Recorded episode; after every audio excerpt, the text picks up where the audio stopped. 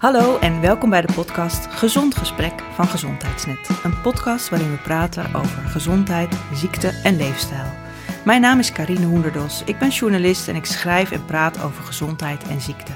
In deze aflevering praat ik met professor Lisbeth van Rossum, internist endocrinoloog in het Erasmus MC in Rotterdam, en met Mariette Boom, internist in opleiding in het Leids Universitair Medisch Centrum. Lisbeth en Mariette schreven het boek Vet Belangrijk over ons lichaamsgewicht en over lichaamsvet. Naar mijn mening behoort dit boek tot de beste boeken die in 2019 zijn verschenen. Ik vind het ook echt heel leuk dat jullie allebei in de studio zijn.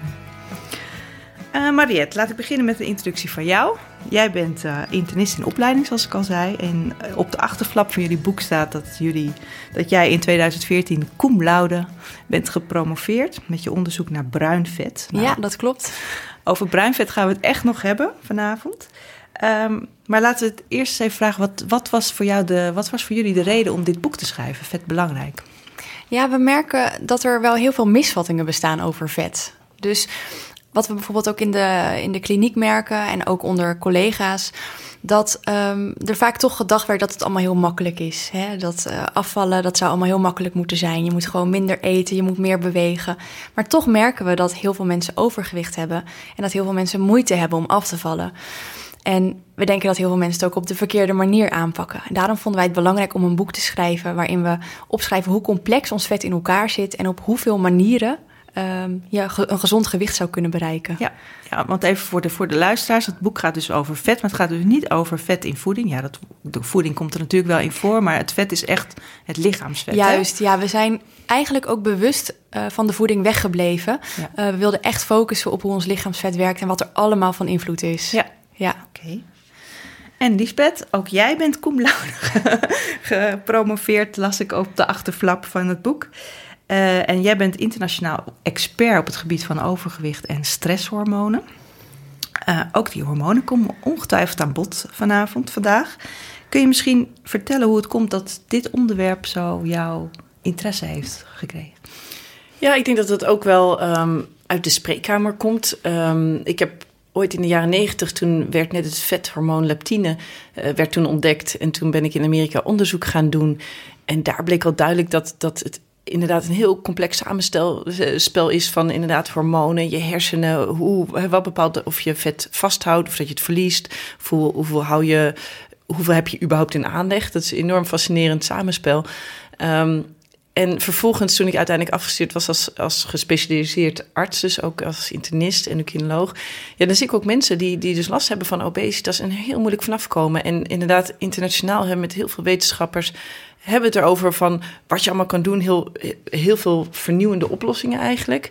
En ik merk dat die wetenschap ook eigenlijk helemaal niet zo landt bij, bij iedereen. Dat, dat, dat op deze manier blijft iedereen vastzitten aan zijn aan zijn laagcalorische dieetje, wat voor sommigen zelfs een averechts effect heeft. Ja. Dus ja, dat, dat, dat bij elkaar met het onderzoek en die, de, de patiëntenzorg, dat motiveert wel omdat we dachten van nou, we moeten samen eens even alles helemaal van A tot Z opschrijven hoe het ja, zit. want er is heel veel, heel veel nieuws over vet, over het lichaamsvet in de wetenschap, maar jullie hadden het gevoel, het komt nog niet zo bij de, de gemiddelde consument, weet dit allemaal nog niet. En, ja. Uh, ja. We hadden ook ontzettend veel plezier om het boek te schrijven. um, we hebben jarenlang feitjes verzameld uh, en die allemaal uh, uitgewerkt en in het boek verwerkt. Dat is ontzettend leuk. Er staan ook echt heel veel leuke feitjes in het boek, ja, inderdaad. Ja, leuk. Want um, als je denkt aan lichaamsvet, dan denk je aan, uh, aan een buikje, aan een onderkin, aan vetrolletjes. Um, de meeste mensen zullen het, het lichaamsvet niet zien als een orgaan. En in jullie boek stellen jullie heel duidelijk: dit is ook een orgaan. Net zoals je hart en je longen en je huid en noem maar op. Lisbeth, hoe zit dat? Ja, dat klopt. Vroeger dachten we eerlijk gezegd ook dat het gewoon een hoopje blubber was en dat deed niks en het is lekker om je warm te houden. Ja. That's it. Um, maar inmiddels weten we wel beter. En dat begon inderdaad met het, eh, een van de eerste hormonen was het vethormoon leptine. En dat bleek dus naar je, naar je hersenen eh, te gaan, daar te kunnen binden. En dan vervolgens uh, zorgt het dat je eetlust wordt geremd. En je zegt en, een vethormoon, is dat dan een hormoon dat uh, door je vetweefsel wordt gemaakt? Ja, het wordt aangemaakt in je vetweefsel. En ja. het geeft een beetje weer van hoeveel vet heb je überhaupt in je lichaam, je vetvoorraad. Maar het stuurt dus ook uh, in de hersenen op je eetlust. Dus het remt eigenlijk je eetlust. En tegelijkertijd stimuleert het je verbranding. En wat je dan ziet is als bijvoorbeeld mensen heel veel overgewicht hebben. Dan weten we vaak, ze worden ongevoelig voor het hormoon insuline. Dat, dat kennen veel mensen wel. Als je heel erg ongevoelig wordt voor insuline, uh, insulineresistent, dan krijg je uiteindelijk type 2 diabetes. Maar je wordt ook leptine-resistent dat vethormoon wat dus zegt van nu stop je met eten. Nou ja, op het moment dat je dat signaal niet meer krijgt in je hersenen, dan, dan, dan word je dus, um, ga je dus makkelijker dooreten. Ja, en resistent betekent dat je er minder gevoelig voor wordt. Dus Klopt. De werk, het werkt niet meer zo goed. Ja, ja. ja je wordt ongevoelig. De, eigenlijk wordt het, de hersenen worden een beetje murf voor heel veel leptine. Want je maakt dan, omdat je... Heel veel vet hebt. Ja, ja maak je maakt heel veel, veel leptine. Je hebt veel vet, dus je maakt heel veel leptine aan. Nou ja, en in die periode daarna zijn nog heel veel meer uh, hormonen ontdekt die uh, vet maakt. Onder andere adiponectine en alle andere hormonen. Maar ook, juist in buikvet bijvoorbeeld, ook allerlei ontstekingsstofjes. En samen, eigenlijk is het zo dat die slechte hormonen en die, um, die ontstekingsstofjes samen ervoor zorgen dat je al die, die ziekten krijgt. Hè? Niet alleen diabetes en hart- en vaatziekten, maar er zijn ook um, wel dertien vormen van kanker die ermee geassocieerd zijn, hè? die ermee verband houden, of depressie. Um, dus er zijn veel meer ziekten die kunnen komen door dat slechte buikvet, hè? want daar hebben we het dan over. Ja. Want vet op je heupen vinden mensen vaak niet mooi, maar het is vaak niet echt het schadelijke vet. Daar is juist goede opslag. Maar juist dat, dat buikvet, dat maakt al die, uh, die ongunstige stofjes ja, aan. En, en omdat uh, vetweefsel dus hormonen aanmaakt en je stofwisseling beïnvloedt, daarom vind je het, vinden jullie het een orgaan? Ja, dat is eigenlijk de definitie van een orgaan. Ja, ja. ja zeker. Ja. Dat, dat, dat, het, dat er hormonen ergens worden aangemaakt in een orgaan. Die worden afgescheiden aan de bloedbaan. En via de bloedbaan kunnen die overal in je lichaam, in hersenen, maar ook in andere orgaansystemen en invloed uitoefenen. Nou ja, dat is precies wat vet doet. Ja. Die stofjes gaan overal heen. Die hebben okay. invloed op allerlei organen en de hersenen. Ja. ja, in het boek noemen we het ook wel een soort dirigent. En zolang het vet binnen de perken blijft qua grootte, hè, en dan zijn alle hormonen met elkaar in balans, dan doet het zijn werk prima. Ja. Maar op het moment dat je te veel vet maakt, dan raken die hormonen dus, hè, wat Lisbeth ook zegt, die raken uit balans. Je gaat ontstekingsstofjes maken, of dat, dat doet dan met name het buikvet.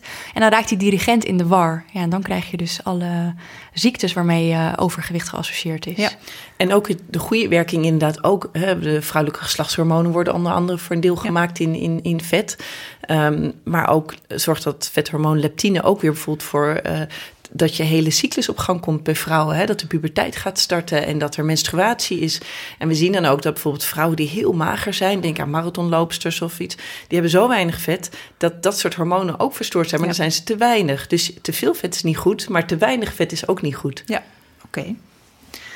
Ik vond het leuk, uh, Mariette, dat jullie boek begon met een uh, historische blik. Hè? De geschiedenis ja. van, uh, van ons vet.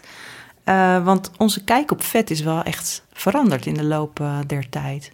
Ja, dat vonden we dus heel erg interessant om, om uit te zoeken hoe dat nou zat. Want um, we beginnen er ook mee dat meer dan 10.000 jaar geleden.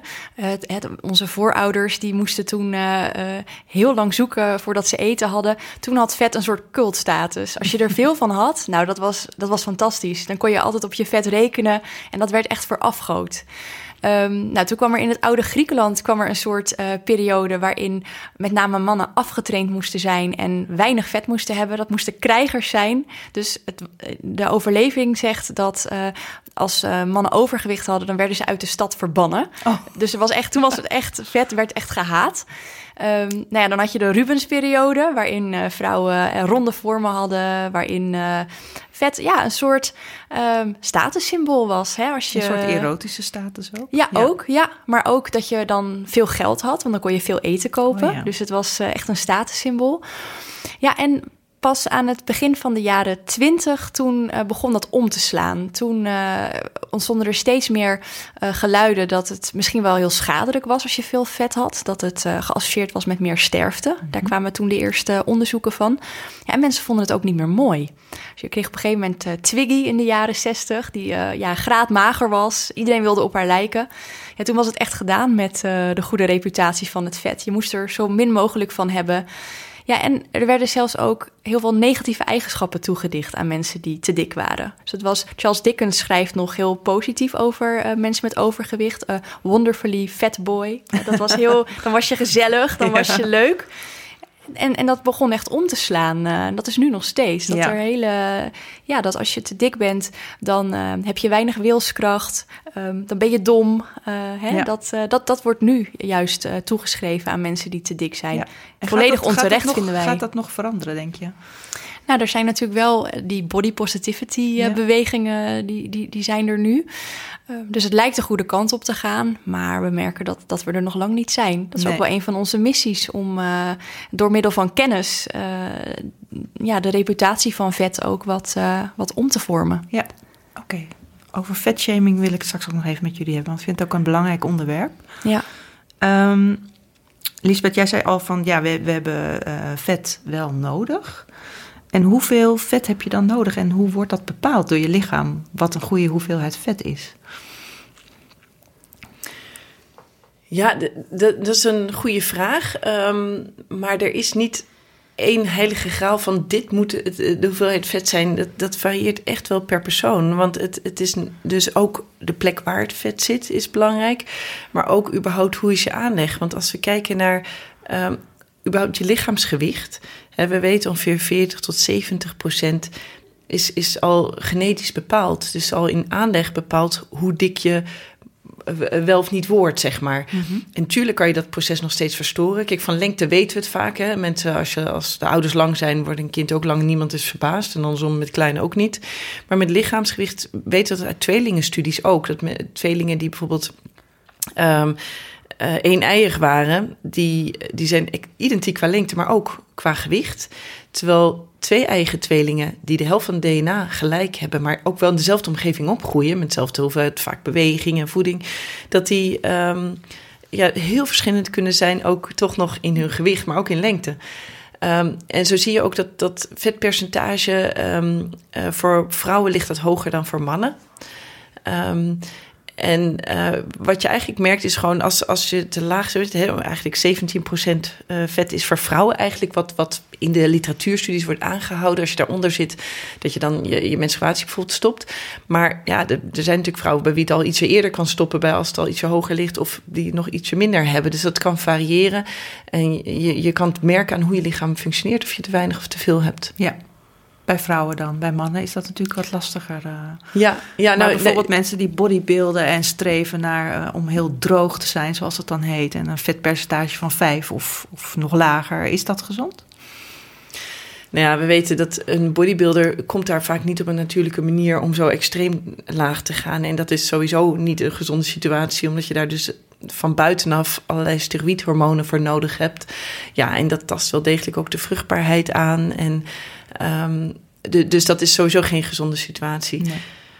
Nee, dat, want dat leer je wel als je het boek leest, vind ik dat lichaamsvet dus echt ook wel belangrijk is. Hè? Dus de, het streven is inderdaad minder, minder, minder. Maar dat is dus eigenlijk niet heel goed. Nee, nee. nee dit is ook, dus ook een soort tegengeluid van ja. het is wel degelijk belangrijk. Ja. ja. ja. Omdat het dus die, vooral die hormonen maakt. Uh, maar goed, we leven in een maatschappij waarin uh, te veel juist uh, belangrijker is. Of tenminste, waarin veel mensen overgewicht hebben en juist last hebben van te veel lichaamsvet. Um, wat gebeurt er dan? Wat gebeurt er in het lichaam als er te veel vet is? Je noemde net al van de leptine, wat dan overgeproduceerd wordt. Wat gebeurt er nog meer? Ja, wat er in, de, in het buikvet, als je te veel buikvet hebt, uh, wat Liesbeth al aangaf, is dat er uh, ontstekingscellen uh, worden aangetrokken. Als er te veel aan vet is, die gaan ontstekingsstofjes maken. En die kunnen ja, zelfs tot aan de hersenen reiken en daar een depressieve stemming veroorzaken. Ze kunnen insulineresistentie geven en dus uh, uh, de kans op het ontwikkelen van uh, insulineresistentie en type 2 diabetes kunnen ze verhogen. Even voor de goede orde, want ik denk dat heel veel mensen denken ontstekingen. Ik heb helemaal geen koorts, ik heb nergens last van. Ja, dus dat is niet een ontsteking in de zin van je hebt een griep of je hebt een, een bacterie. Dat noemen we een laaggradige ontsteking, waarin dus een heel lokaal ontstekingsstofjes worden gemaakt. Maar die wel degelijk invloed hebben op uh, hoe onze organen werken. Maar je voelt het eigenlijk niet. Nee, nee, nee je voelt het niet. Misschien wel nee. jammer genoeg. Ja, ja, ja, ja, inderdaad. Ja. ja. Oké, okay, ja. dus die ontstekingsstofjes zijn er. En wat nog meer? Wat gebeurt er nog meer? Nou, dus de, er worden dus heel veel verschillende hormonen gemaakt door ons lichaamsvet. En wat je ook ziet als je, als je meer vet krijgt, is dat die uit balans kunnen raken. Dus om een voorbeeld te noemen, je lichaamsvet maakt hormonen die ervoor zorgen dat je bloeddruk wat omhoog gaat en dat je bloeddruk wat omlaag gaat. En als je vet um, goed in balans is, dus als je vet een, ja, niet, te, niet te groot is, is met elkaar in balans, heb je een gezonde bloeddruk. Maar wordt je vet groter, dan kan dat uit balans raken en dan kan je dus een te hoge bloeddruk krijgen. krijgen. En zo zijn er heel veel processen die verstoord kunnen raken als je te veel vet hebt. Ja. En wat er ook kan gebeuren is dat er vet op verkeerde plaatsen gaat, uh, gaat zitten. Hè, dus um, dat verschilt ook tussen mensen wanneer dat gebeurt. Dus uh, um, als je te veel vet maakt, dan kan het op een gegeven moment ook in de lever gaan zitten en in het hart. En daar hoort het helemaal niet. En dan kan het ook de functie van die organen verstoren. Ja. En hoe weet je dat, dat er vet in je lever zit? Ja, dat weet je eigenlijk niet. Uh, dat kan je zichtbaar maken met een, uh, met een scan. Um, en het kan er ook voor zorgen dat je minder gevoelig wordt voor insuline. Dus het kan ook bijdragen aan het, uh, aan het ontstaan van, van type 2 diabetes. Ja. Maar dat weet je dan pas als het, als het zover is. Ja, ja. ja. Oké. Okay. Ja, die aantallen van mensen met, met leververvetting zijn gigantisch op dit moment. Ja. Dat is echt ook wel een beetje een, een, een sluipmoordenaar. Want je ziet nu op de wachtlijstje, ja, bijvoorbeeld voor levertransplantaties. Vroeger stonden daar allemaal mensen op die hepatitis B en C hadden. Daar zijn nu inmiddels hele mooie therapieën voor. Maar nu staan er allemaal mensen op met, met, met leververvetting. Hele ernstige vormen van leververvetting. Hè, dat kan soms komen door overmatig alcoholgebruik. Maar verreweg de meeste hebben het ook door... Um, doordat ze gewoon veel te veel vet hebben. En dat kan heel gemeen die lever echt extreem ziek maken. Dat die hele lever verbindweefselt en helemaal gaat verschrompelen. En uiteindelijk kan je ook leverkanker erin krijgen. Dus dat, dat is iets wat, wat een beetje een sluipmoordenaar is. Want dat zie je en voel je niet nee. totdat het te laat is. En dat is het gemene daarvan. Ja.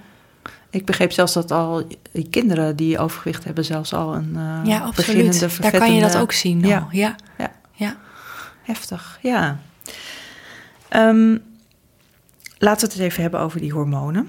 Um, want niet alleen het vetweefsel maakt hormonen aan, maar uh, er zijn ook hormonen die invloed hebben op hoeveel vet je aanmaakt, toch? Ja, zeker. Uh, en, en Lisbeth, jij doet heel veel onderzoek ook naar stresshormonen volgens mij.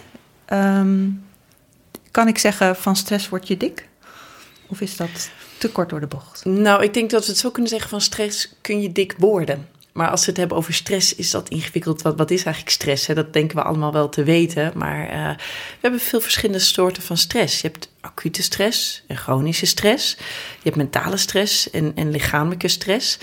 En um, kijk, als we acute stress hebben, stel je zit in een, in, een, in een vliegtuig en dat vliegtuig dreigt neer te gaan storten. En nou, dan heb je extreme acute mentale stress. Ja. He, gaat adrenaline gaat heel snel aangemaakt worden, maar vlak daarna ook je stresshormoon cortisol.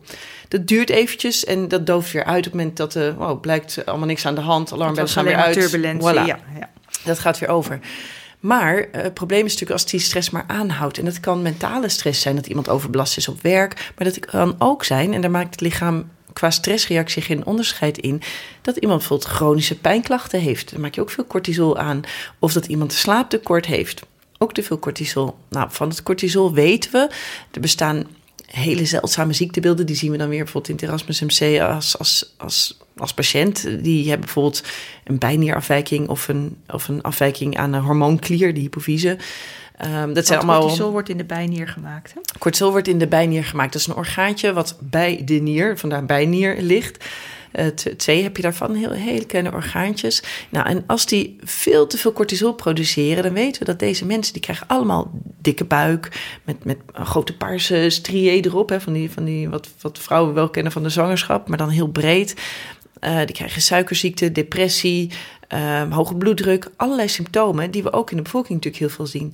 Nou is het hier zo, nou ja, als je gewoon het knobbeltje van die bijnier dan wegneemt, dan verdwijnt dat allemaal weer. Dus we weten, cortisol kan dat geven dit zijn natuurlijk extreme situaties, want dat is dan echt een ziekte. Ja. En um, ja, we zijn wel gaan onderzoeken wat dat in de bevolking nou betekent. Um, dat kon vroeger eigenlijk niet, want dan deed je bijvoorbeeld met, uh, dan ging je bloed prikken en dan had je dat stresshormoon. Maar ja, als je iemand bloed prikt, dan wordt het stresshormoon cortisol ook weer hoog. Omdat, je, omdat heel veel mensen bang zijn voor bloedprikken. Ja. ja, ja, bovendien varieert het erg over de dag. Nou, daar hebben we toen een oplossing voor gevonden. was een nieuwe techniek uh, ontwikkeld. En die hebben we verder doorontwikkeld hier in Nederland. Om stresshormoon cortisol in hoofdhaar te meten. In, je, je haar? In je hoofdhaar, ja. ja. En je hoofdhaar groeit zeg maar 1 centimeter per maand.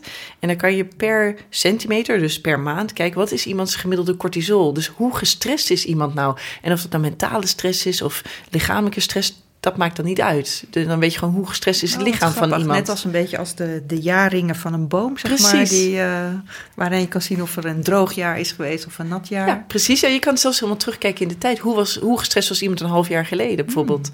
Nou, en dat gaf nieuwe informatie. En dan zagen we dat mensen die obesitas hadden, dus mensen die een BMI boven de 30 hadden, dat die echt veel hoger gemiddeld genomen zaten in hun, in hun stresshormoonniveau, in hun cortisol. Niet iedereen, ongeveer de helft zat heel hoog, de andere helft zat eigenlijk normaal. En we denken dat dat toch de mensen zouden kunnen zijn, dat zijn we nu aan het onderzoeken, dat dat de mensen zijn die eh, juist hart- en vaatziekten en, en eh, type 2 diabetes en depressie ontwikkelen.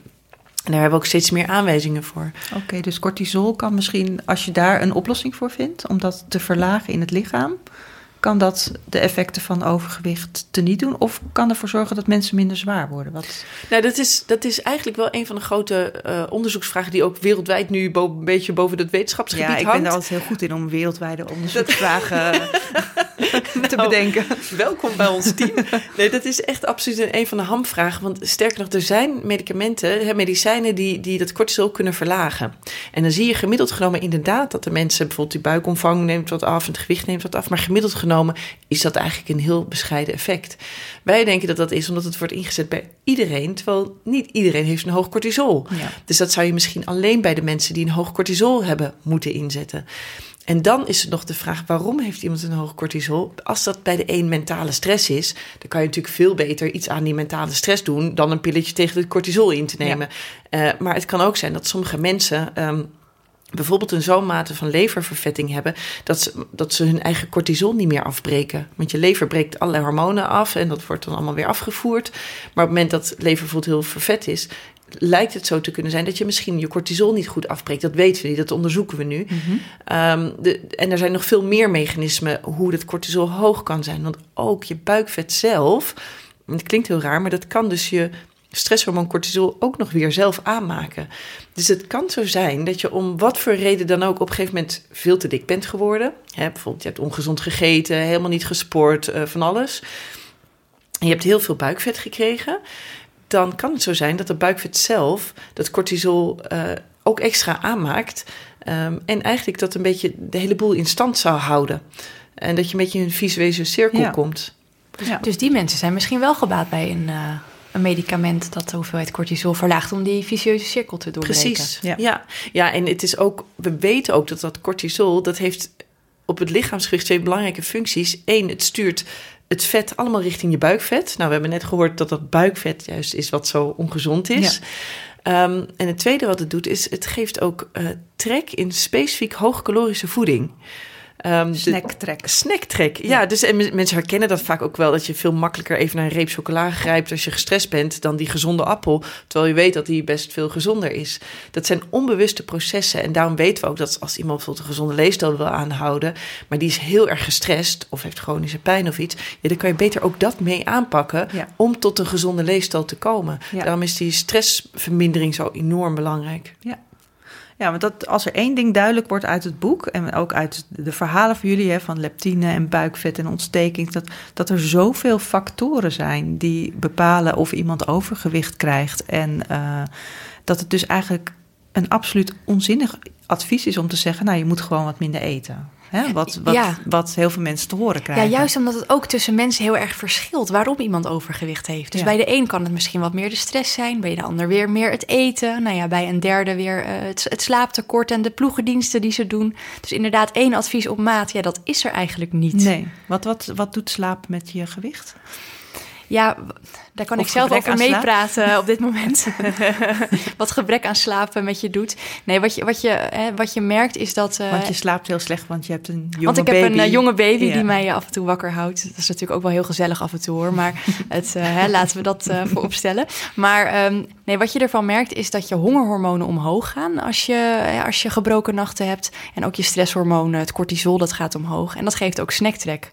Dat, dat merk je ook bij jezelf als je Een ehm, nachtje doorhaalt. een nachtje doorhaalt, dan, hè, eh, dus, eh, dan wil je een heel stevig ontbijt. Als je eenmaal wakker bent. Ja, ja, ja. dus mensen denken wel eens ehm, als je weinig slaapt, dat je, hè, omdat je veel wakker bent, dat, dat je dan veel verbrandt.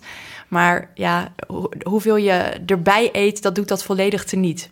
En bovendien, als je, een, uh, hè, als je bijvoorbeeld ploegendiensten of nachtdiensten draait, um, dan verstoor je ook je biologische klok. Ja. Want je lichaam heeft ook allemaal biologische klokjes die helemaal zijn ingesteld op dat we overdag wakker zijn en s'nachts slapen. S'nachts verteren we ons eten en uh, gaan er allerlei processen in werking. Nou ja, overdag ben je wakker, dan ben je alert. Als je dat verstoort door je dag-nachtritme om te draaien, dat doet ook van alles op je metabolisme, op hoe gevoelig je bent voor insuline.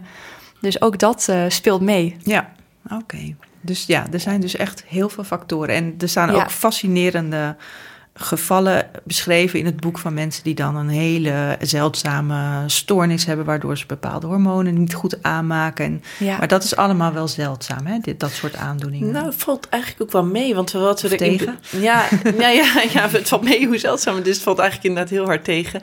Nou ja, ik denk dat er wel een groep is die toch best wel massaal wordt gemist. En dat is een groep, we noemen dat de monogenetische obesitas. Dat zijn mensen die hebben een vorm van obesitas wat komt door een schrijffoutje in één gen. En uh, we hebben daar recent een groot Nederlands onderzoek ook naar gedaan. En daar vinden we toch wel minimaal 4%, en misschien zelfs meer, want we hebben nog wel meer varianten gevonden, 4% die drager is, die, die, die dit als oorzaak heeft van de mensen met obesitas. Oh. En er wordt maar een heel klein deel van herkend. En, en ja, kenmerken van zo iemand zijn vaak dat um, de obesitas er al vanaf hele jonge leeftijd is. Uh, soms kan dat ook gepaard gaan met extreme eetlust, dus heel erg hongergevoel. Um, en ja, heel jong, echt al vanaf kind. Ja, onder de vijf jaar. Soms zelfs vanaf babyleeftijd af, af aan. Dan, dat is helemaal verdacht. Dus als iemand dan bij je komt, we vragen ook altijd vanaf wanneer is het overgewicht? He, is het na de overgang ontstaan of na zwangerschappen? Of is het na een stressvolle periode of na uit huis gaan of puberteit? Nou ja, dat zijn allemaal periodes waarin het vaak ontstaan is. Of na gebruik van medicatie bijvoorbeeld. Um, maar als iemand zegt, nou, ik ben vanaf de kinderleeftijd af aan al, ja, dan, dan wordt het een ander verhaal. Dan gaan we heel erg doorvragen naar allerlei symptomen die daar kunnen bij horen.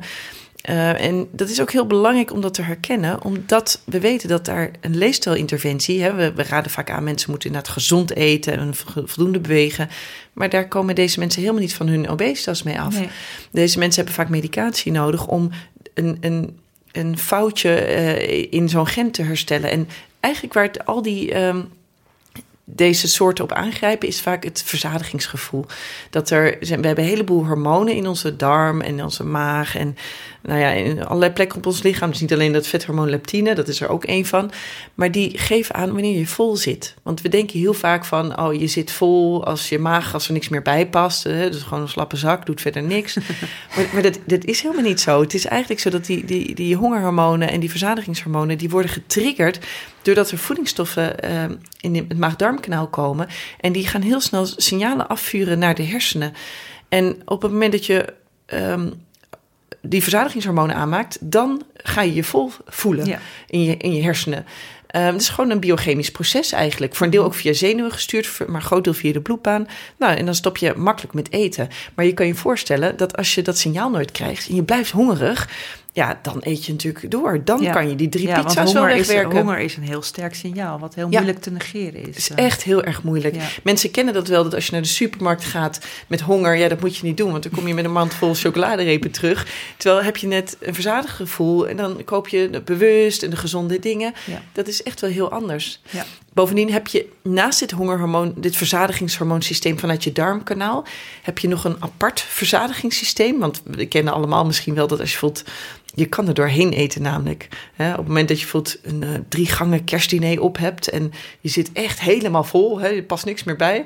En dan komt er toch nog iemand met zo'n toetje aan, wat echt verschrikkelijk lekker is. Um, dat kan je dan toch nog op. Op de een of andere manier past dat wel. En dat werkt via een ander mechanisme. Dat gaat namelijk via het beloningssysteem in de hersenen. En dat gaat meer via andere, via uh, onder andere hormoon dopamine en een aantal andere hormonen. Cannabinoïd systeem wat je in je hersenen hebt. Dat is meer. Cannabion. En ja, endo, endocannabinoïd systeem. Dat is eigenlijk zijn dat uh, stoffen die te maken hebben met een beloningsgevoel en, en, en um, ook. Het lijkt eigenlijk, het heeft, hangt samen met verslavingen. Um, uh, bij dingen als alcohol, seks. Um, gokken of, of uh, allerlei dat soort dingen. Daar, daar, dat grijpt op hetzelfde systeem aan. Zelfs als je appjes krijgt continu, dan heb je, kan je je dopamine aan, hè, aanmaken, want dat geeft ook een beloningsgevoel.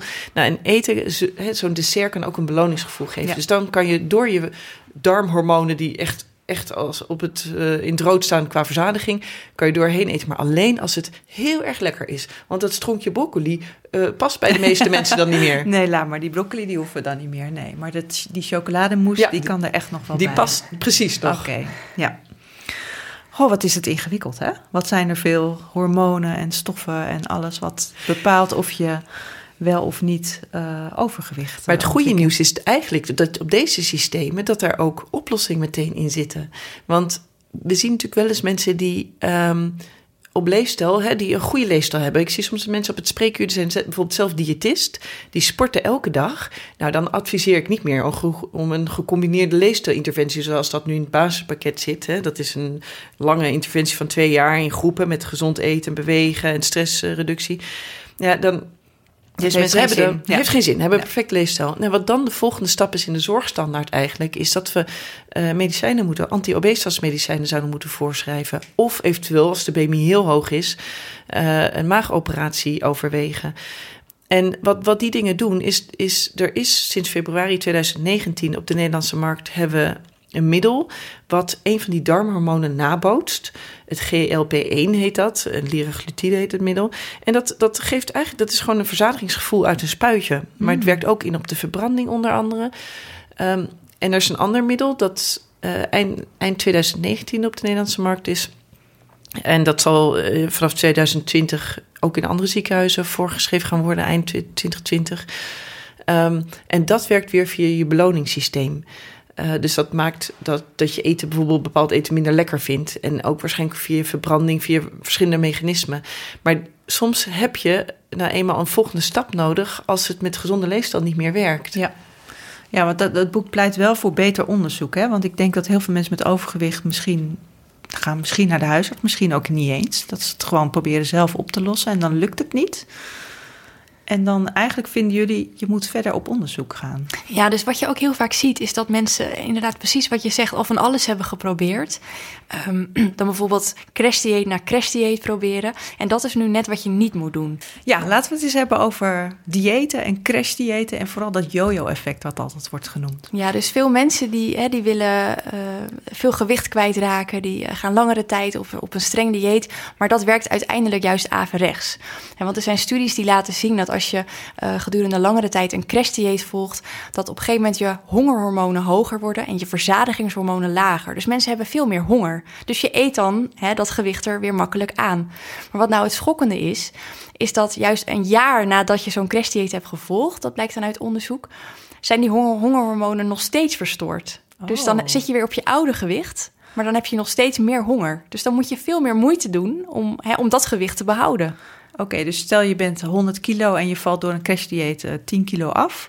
Een jaar na dato heb je dan nog steeds meer honger. Ja, ja. En ja. daarom, dat verklaart ook dat mensen het heel moeilijk vinden om dat gewichtsverlies dan ook vast te houden. En dat ze soms ook met rente aankomen. Met rente aankomen, ja. ja. Dus dan uiteindelijk 110 kilo. Ja, dus dit is eigenlijk een ingrediënt om je, hè, om je hormonen langdurig te verstoren. We weten niet eens wanneer het weer herstelt. Daar, daar, daar zijn geen onderzoeken nog, uh, nog naar. Dus, dus een crashdieet, dat, dat, dat moet je vooral niet doen. Maar het schrijnende is, dat zijn wel mensen die ontzettend hun best doen. Mm -hmm. En dat telke, het lukt dan telkens niet. En telkens um, zetten ze hun, hun, stofwisseling op een iets lager pijl. Ja, telkens inderdaad wordt het ja. net wat meer ontregeld. Um, ja, en die krijgen dan soms wel van de omgeving uh, hele negatieve reacties. Van nou het, het, nou, het is weer niet gelukt. Die voelen zich uh, ja, waardeloos. Het is me weer niet gelukt. Terwijl het lichaam eigenlijk op een gegeven moment tegen je gaat werken. Ja. Dus dat is zo schrijnend. Dus hè, we, we, pleiten er ook voor, hè, voor meer kennis. Dat je, dat je het op deze manier dus vooral niet moet doen. Nee. Ja, wat je nu net ook noemde, is ook een belangrijk dat niet inderdaad alleen maar die verzadigingshormonen verstoord raken, maar ook nog inderdaad die verbranding. Ja. Want dat is iets wat uit de Biggest Loser studies komt van het Amerikaanse tv-programma wat, wat in Nederland bekend staat als obese. Dat lijkt er een beetje op. Want daar vallen mensen, dat is dan niet per se met een crash dieet, maar wel met flink laagcalorische diëten, heel veel af. Um, doen ze 30 weken over. En um, daar, daar vallen ze soms wel bijna 60 kilo gemiddeld af. In 30 weken? Dat ja, is toch best wel snel? Dat, dat is echt heel ja. snel. Um, maar wat je dan vooral ziet, is dat ze hun uh, uh, verbranding ook daarbij omlaag nog schroeven. Dus dat telt nog een keer extra erbij op. En zo'n 600, 700 calorieën per dag.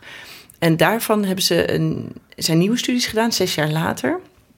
En inmiddels zijn de mensen gemiddeld genomen weer 40 kilo aangekomen. Dus ja, aan de ene kant heel zonde, want het zijn 60 afvallen en 40 dan weer erbij. Um, tegelijkertijd noemen we dat nog steeds, al 20 kilo. Ja, nog steeds succesvol. 12% gewichtsafname vinden we eh, nog steeds heel mooi. Maar wat dan ook nog heel erg blijkt, is dat nog steeds die verbranding. Um, vertraagd is. Dus ook dat lijkt niet meer te herstellen. En de mensen die het zes lukte, jaar na het zes jaar na dato. En er waren wel mensen die het lukte om op dat verlaagde gewicht te blijven. Maar dat was indrukwekkend wat deze mensen ervoor moesten doen. Want die moesten dus heel veel extra in beweging blijven. En dat was gemiddeld zeg maar 80 minuten matig intensief, dus een beetje wandelen, of 35 minuten per dag heel intensief hardlopen. Hmm. Dus dat is, dat is eigenlijk topsport. Ja, jullie schrijven ook in het boek inderdaad dat het bijna topsport is om je gewicht te behouden na gewichtsverlies. Ja. dus het kan wel drastisch gewicht verliezen met leefstijl. Dat kan dus, bestaat ook wel. Maar wat we vaak ook als dokters vergeten erbij te vertellen, of, of überhaupt mensen die dat maar mensen in begeleiden, is dat je daarna levenslang heel veel meer moeite moet doen. En dat heeft eigenlijk te maken, en dat is denk ik ook wel kern van ons boek, dat ons setpoint in ons lichaam verstoord is. We zijn als het ware op het moment dat we ooit door wat voor reden dan ook obesitas hebben ontwikkeld, veel te veel vet, dan raken we geherprogrammeerd. Dan komen al die honger- en verzadigingshormonen in een andere stand te staan, waardoor eigenlijk het lichaam de neiging heeft altijd terug te gaan naar het hogere lichaamsgewicht. En daar kan je doorheen met heel veel moeite. Maar dat kost levenslang heel veel moeite. Dat is ook reden waarom heel veel mensen het uiteindelijk niet zullen halen. Dus ik denk wel altijd dat de eerste stap moet zijn leefstijl optimaliseren en daar alles uit halen. Maar als dat niet werkt, dan pakken we op dit moment onvoldoende door. Wat we dan doen, is dan laten we de obesitas bestaan. We wachten totdat er ziekte als bijvoorbeeld hmm. kanker ontstaan. gaan we chemotherapie geven. Of een hartinfarct, gaan we dotteren. Ja, hele dure therapieën, maar ook heel veel menselijk leed wat eraan zit. En dan mogen we een soort van behandelen. Terwijl eigenlijk de obesitas zelf wordt niet als ziekte gezien, terwijl we dat wel degelijk zo gedefinieerd hebben in Nederland. De, zon, de Gezondheidsraad zegt het is een ziekte, de WHO zegt een ziekte. En dat heeft met dat mechanisme te maken. Je lichaam is geherprogrammeerd. Dus eigenlijk vind jij, we doen er te weinig aan. We weten wel dat het een groot probleem is, maar we zoeken niet precies uit wat nou de oorzaak is van iemands overgewicht. We kijken niet of er misschien een genetische oorzaak is of medicijnen, daar kunnen we het zo nog even over hebben. Maar uh, en dus geven we iemand niet veel meer dan een dieet en een leefstijl. En als dat niet werkt, nou, dan heb je dus pech. Precies. Ja. Dat is de situatie op dit moment. En, ja. Dat, ja, en dan zie je, je ziet ook dat de epidemie maar doorgaat. En natuurlijk staat de kraan ook al nog wagenwijd open, want de preventie is natuurlijk verre van goed nog. Dus dat is een ander ding. Dus we, de preventie is nog niet goed genoeg, maar we behandelen ook niet goed genoeg. En ik denk dat we beide moeten doen om problemen op te lossen. Die preventie veel, veel beter doen, veel meer een gezondere leefomgeving en alles. En tegelijkertijd veel beter behandelen voor de mensen die het helaas al hebben. Ja. Want eh, over behandelen gesproken, uh, in het boek staat ook over medicijnen die je kunt gebruiken, waar ook heel veel mensen dat helemaal niet weten. Dat ze van medicijnen die ze gebruiken, bijvoorbeeld voor hun astma, dat ze daar dik van kunnen worden. Wat kunnen jullie daarover vertellen? Nou ja, wat, het, wat, wat het, ja, het, het schrijnende is, is dat juist die medicijnen die mensen met overgewicht gebruiken voor de complicaties van hun overgewicht, die hebben soms een dikmakende bijwerking. Dus bijvoorbeeld um, um, bloeddrukverlagende middelen, zoals beta-blokkers, maar ook de insuline die uh, mensen met uh, type 2 diabetes gebruiken. Dat zorgt er ook voor dat je vet makkelijker vasthoudt. Dus dat maakt het veel moeilijker om af te vallen.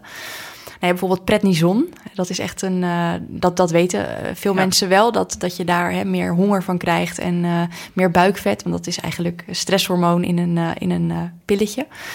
Maar bijvoorbeeld ook antipsychotica, antidepressiva, die mensen misschien ook weer gebruiken, um, doordat ze een depressieve stemming krijgen van hun overgewicht.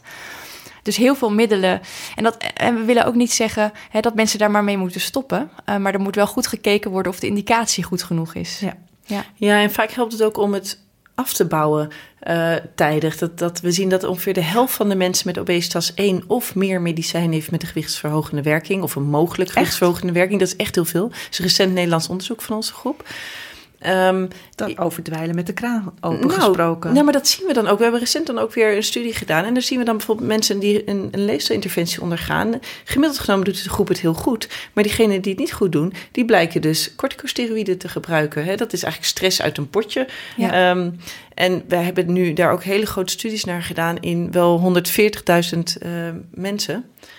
Ehm, en daar zien we ook bijvoorbeeld een heel duidelijk verband tussen bijvoorbeeld het gebruik van inhalatiecorticosteroïden, dat zijn uh, astmapuffertjes. Puffertjes, ja. Ehm, en, en overgewicht bij mannen en bij vrouwen. Hè, dus, dus, uh, maar ook bij vrouwen een, zien we een verband met um, hogere bloeddruk, uh, grotere buikomvang, hogere suikerwaarde, hoge cholesterolwaarde echt oorzakelijk verband is daarmee nog niet aangetoond. Maar we, we, weten wel uit andere studies weer dat ja, het kan in de bloedbaan komen. Dus dan komt het in de circulatie. En het zijn hele sterk werkende.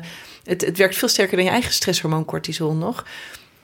En wat we ook weten is dat tegenwoordig het zo is dat um, bij mensen die obesitas hebben en astma, die combinatie, dat bij de helft van de mensen blijkt het helemaal niet een echt astma te zijn, maar een astma-achtig beeld. Wat meest waarschijnlijk toch verklaard wordt door meer, door ook een beetje een soort van longvervetting-achtig iets. Oh. De, door die, die laaggradige ontsteking waar we het eerder over hadden. Dus niet alleen leververvetting, maar dat dat ook effect heeft in de longen.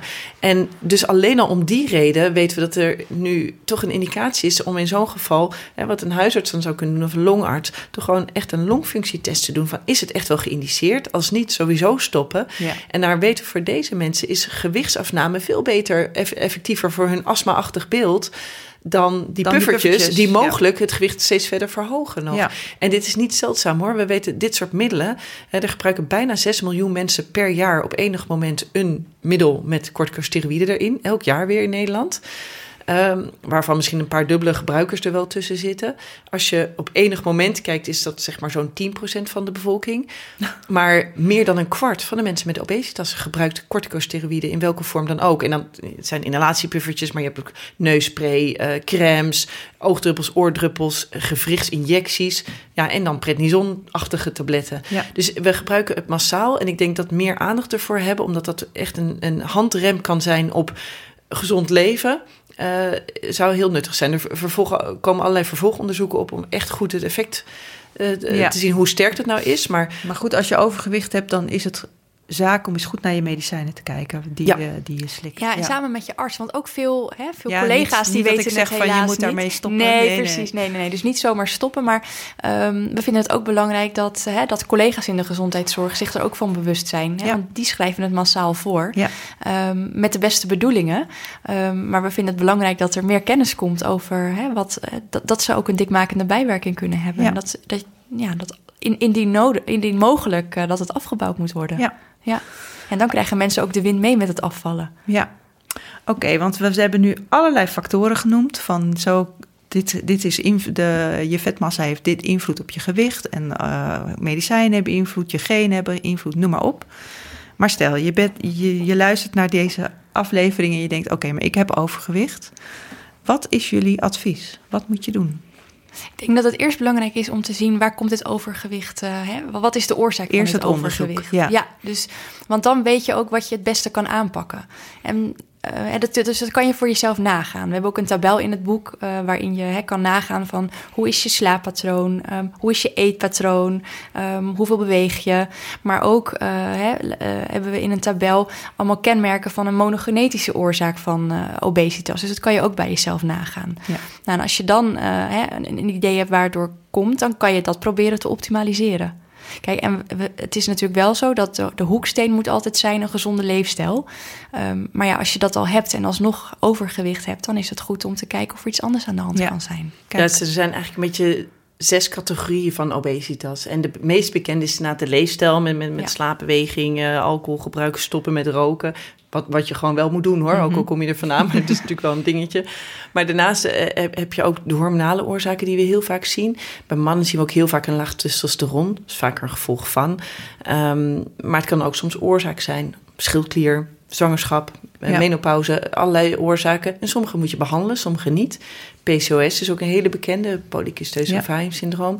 Sommige mensen hebben ook weer mentale oorzaken. Denk aan binge-eating disorder of bulimia nervosa. Ja, ja dan moet je meer psychiatrische, ja. ja. psychiatrische therapie hebben. Nou, medicatie hebben we het over gehad. Monogenetisch hebben we het over gehad. En een zeldzame vorm is ook als je je regelcentrum in je hoofd kapot is, die hypothalamus, waar al die hongerhormonen op aangrijpen. Als, stel je bijvoorbeeld vroeger ooit een keer een auto-ongeluk gehad, je bent uh, bewusteloos geweest of je bent bestraald geweest op je hoofd. Of, nou ja, er zijn verschillende redenen waardoor het kapot kan zijn. En deze mensen krijgen ook een ontzettende eetlust bijvoorbeeld. Ja. Dus ook weer een zeldzame oorzaak, maar ook wel heel goed om te weten, omdat daar ook weer een leefstijlinterventie weer niet werkt. Ja, ja. Het is echt duidelijk dat, uh, dat wat, uh, de opmerking ieder pondje gaat door het mondje, dat dat gewoon eigenlijk helemaal nergens op slaat. Het is te, echt te kort door de bocht. Het is natuurlijk wel zo dat als je helemaal nul zou eten, want dat is dan altijd weer de andere kant van de medaille. Iedereen zegt ja, maar stel je woont in Afrika en je hebt nul te eten, ja, dan ga je dood. Ja, dat, dat is ook zo. Maar het is absoluut niet het in, de in-uitgedachte van alles wat erin gaat, dat uh, verbrand je weer, dus er gaat te veel in. Dat, het is niet een simpel evenwicht. Want soms heb je redenen waardoor je vetcellen je vet vasthoudt en niet meer vrijgeeft. En dat, dat vergeten we vaak. Ja, ja. oké. Okay. Ehm, als laatste wil ik het toch nog even hebben over een onderwerp waar we in het begin ook over hadden, over vetshaming. Want daar breken jullie echt een, uh, een lans, nee, niet voor, maar tegen. Ja. Want um, ja, hoe zit dat? Wat, wat merken jullie als, als artsen in de, in de spreekkamer van mensen die met overgewicht bij jullie komen? Ja, we merken in ieder geval Kijk, we merken uh, onderling uh, dat er toch nog soms wat lacherig over wordt gedaan. Ook, uh, ook door collega's. Dat het toch wel, hè, dat, toch, dat, dat ze vinden dat het mensen hun eigen schuld is nog steeds. Dus eigen daar, schuld, dikke bult. Eigen schuld, dikke bult. Dus daar wordt soms ook te simpel nog over ook gedacht. bij artsen onderling. Ook bij artsen onderling ja. nog. Hè. Dus dat, dat willen we ook duidelijk maken. Want ook, ook bij artsen is er ja, toch vaak geen, niet genoeg kennis over hoe, hoe complex het, het overgewicht ontstaat. En, ja, en bij mensen in de spreekkamer zien we vooral de tranen. Ja. Uh, we horen soms de verschrikkelijkste verhalen over wat mensen uh, moeten doorstaan. Um, hè, bijvoorbeeld een patiënt van, uh, van Lisbeth, dat kan jij misschien beter vertellen. Wat, wat mensen soms in het vliegtuig of in de bus wel niet naar hun hoofd geslingerd krijgen. Ja, mensen hebben inderdaad echt ook wel heel veel last van, van, van de blikken alleen al. Ja. Als je naar het vliegtuig binnenstapt of überhaupt openbaar vervoer, dat mensen gewoon kijken van ja, ik, ik wil helemaal niet naast je zitten. En dat soms ook letterlijk benoemen. Of ik zie van heel veel van, van de mensen die ik op het spreekuur zit, zie. Um, die, die leven soms echt gezonder dan, dan, dan we allemaal. En, uh, maar die durven dus ook nooit in het openbaar een keer een ijsje te eten. Mm. Als ze naar het strand gaan, heerlijk even een keer genieten van een ijsje. Ja. Mag best een keer als uitzondering. Maar dat, dat zouden ze nooit doen, omdat je dan meteen al die opmerkingen krijgt van... hé, hey, dikkerd, zou je dat ijsje wel doen? Je eet er zeker tien per dag, wat ook altijd dan de aanname is. En dat geeft inderdaad heel veel verdriet. Dus mensen hebben heel veel last van dat sociale stigma. Maar ook heel veel last van functionele beperkingen. Dus gewoon het fysiek niet meer achter je kleinkind aan kunnen rennen of iets. En dus het hele leven wordt, wordt ingewikkeld erdoor. En dan daarbovenop nog dat iedereen een orde over je heeft van ja, je zit wel drie pizzas per dag te eten en je bent zwak van karakter. Terwijl mensen soms ontzettend hun best doen. Um, en ook al zou je niet je best doen, dan vind ik nog niet dat we daarover nee. mogen oordelen. Nee. Dus eh, ja, ik denk dat we daar echt nog een lange weg te gaan hebben. Ook omdat deze mensen veel minder banenkans uh, hebben. Bijvoorbeeld hè, mensen met obesitas krijgen veel moeilijker ook leidinggevende functies. Ja, zelfs voor een zittend beroep wordt, uh, wordt, wordt gedacht dat ze er minder uh, geschikt voor zijn. Terwijl, ja. De, dus eigenlijk wordt er gedacht dat ze, dat ze dommer zijn dat ze, en dat ze minder goed leiding kunnen geven. Ja, ja. ja dus het gaat heel een, ver. Uh, een, een van de laatste vormen van, van discriminatie die we met z'n allen nog accepteren. Want over hoofddoekjes hebben we discussie, over Zwarte Piet hebben we discussie, daar praten we over. Ja. Maar over of je mag discrimineren op basis van gewicht, waar mensen echt heel veel onder te lijden hebben, daar gaat het eigenlijk algemeen geaccepteerd. Ja. Van dat het, ja. ja. dat mag je wel zeggen. Ja. Dat iemand te dik is. Ja. Nou ja, te dik, het, het hangt vanaf hoe je het bespreekt. Ik vind als arts moeten we het bespreken, maar je moet, moet dat niet veroordelend bespreken. Dat werkt niet. En het, het, het is ook niet zinnig. Nee, want dat is ook een klacht die veel mensen die hebben met overgewicht. Als ik bij de dokter kom en ik zeg ik heb pijn in mijn knie, dan is het eerste antwoord ja, maar je bent ook te dik. Ja, bijvoorbeeld, hè, dan komt iemand bij de chirurg omdat iemand een, uh, een, een, knievervanging moet krijgen. En dan, en dan krijg je soms te horen: ja, ga eerst maar 30 kilo afvallen, want eerder opereer ik niet. Ja. Kijk, natuurlijk zijn er meer risico's verbonden aan een operatie van iemand met overgewicht. Maar ja, om iemand dan naar huis te sturen met: nou, ga maar wortels eten en uh, succes ermee. Ik zie je wel als je 30 kilo bent afgevallen. Daar schiet niemand wat mee op. Nee. En ik heb bijvoorbeeld ook laatst van een patiënt gehoord die uh, kreeg een prednisonkuur voorgeschreven. Um, die kwam een half jaar jaar later bij de, hè, bij de betreffende arts. En die zei, ja, u bent nu veel te dik, u moet afvallen. Maar terwijl diezelfde arts Oh, ook de joh. prednison had voorgeschreven. En dan, Ja. ja. dan voelt iemand zich natuurlijk totaal niet begrepen. Nee. Nee. Ja, en wat je dan beter kan doen, is met zo, zo iemand in de spreekkamer bespreken hoe je iemand wel kan helpen. Want ja, het gewicht zal dan weer omlaag ook moeten en wat heel goed zou zijn. Maar hoe dan? En dan, Precies. wat, wat klassiek gebeurt is, nou inderdaad, ga maar, ga maar op een laag calorisch op dieet. Ja, ja. Ja. En dat, Ja. dat is een manier om op termijn weer aan te komen, weten Ja. we inmiddels. Ja. Zien jullie een goede toekomst voor de behandeling van overgewicht? Want jij had het al over nieuwe medicijnen die op de markt komen, maar waarschijnlijk is, zal er nooit een, een pil komen die alles kan verhelpen. Omdat, juist omdat het zo complex is en omdat er zoveel factoren van invloed zijn. Nou, dat laatste is misschien niet eens zo, eh, zo heel verre weg toekomstmuziek. Want er, komen, er zitten enorm veel medicijnen nu in de pijplijn. Want eigenlijk voelt eigenlijk de enige hele effectieve therapie nu zijn maagoperaties. Ja. Dat hebben we als uiterste redmiddel. En er zijn echt wel me- mensen die daar gewoon heel veel baat bij hebben. En die dat moeten hebben, omdat het op andere manieren niet meer gaat. Ehm, maar wat je nu steeds meer ziet, dat sommige mechanismen van zo'n maagoperatie nagebootst kunnen worden. Want we denken vaak, oh, iemand valt af omdat hij minder kan eten. Maar een heel groot deel van zo'n maagoperatie is dat er een hormonale verandering plaatsvindt. De hormonen gaan allemaal veranderen. Ja. Precies, en, en die veranderingen kunnen voor een deel nabootsen. Dat is bijvoorbeeld die liraglutide al wat uit het spuitje komt.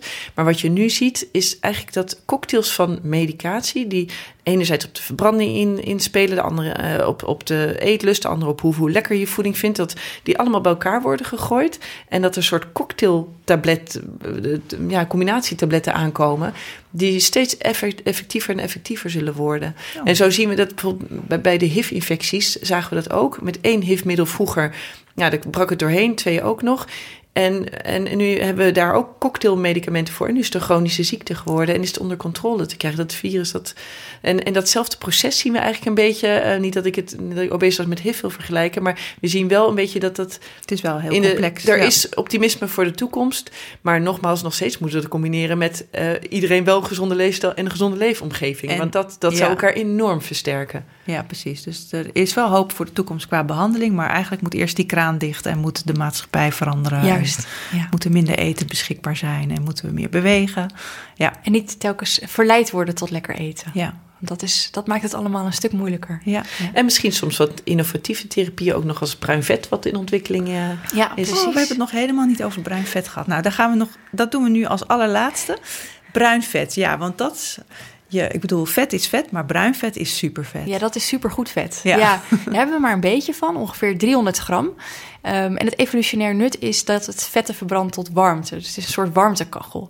En dat kunnen we dus gebruiken eh, hè, om, om onze stofwisseling op te schroeven. Dus als je er op de een of andere manier eh, je hoeveelheid bruin vet kan vermeerderen of het actiever kan maken, dan gaat je stofwisseling sneller.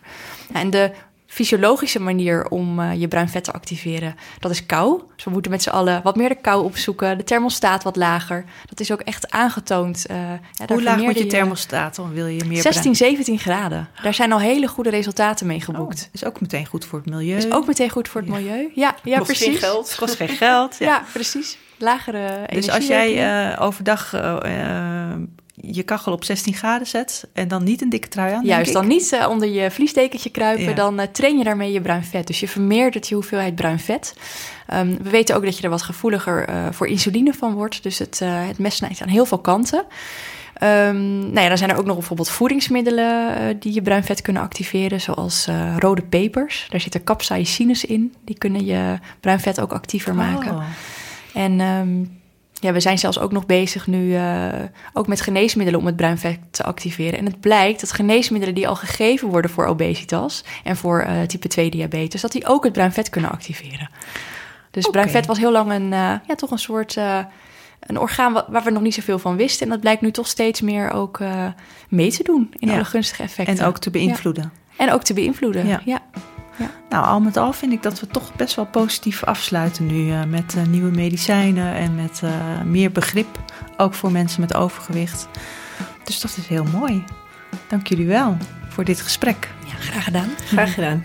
Je luisterde naar Gezond Gesprek, een podcast van Gezondheidsnet, gepresenteerd door Carine Hoenderdos en met producer Jonne Serize. De tune is van The Yearlings. Kijk voor meer informatie over onderwerpen als vet en overgewicht op www.gezondheidsnet.nl. Wil je reageren op deze uitzending? Via Twitter zijn we te bereiken via van Carine en Gezond Nieuws. En abonneer je vooral ook op iTunes en laat daar een review achter, zodat andere mensen de podcast Gezond Gesprek ook kunnen vinden.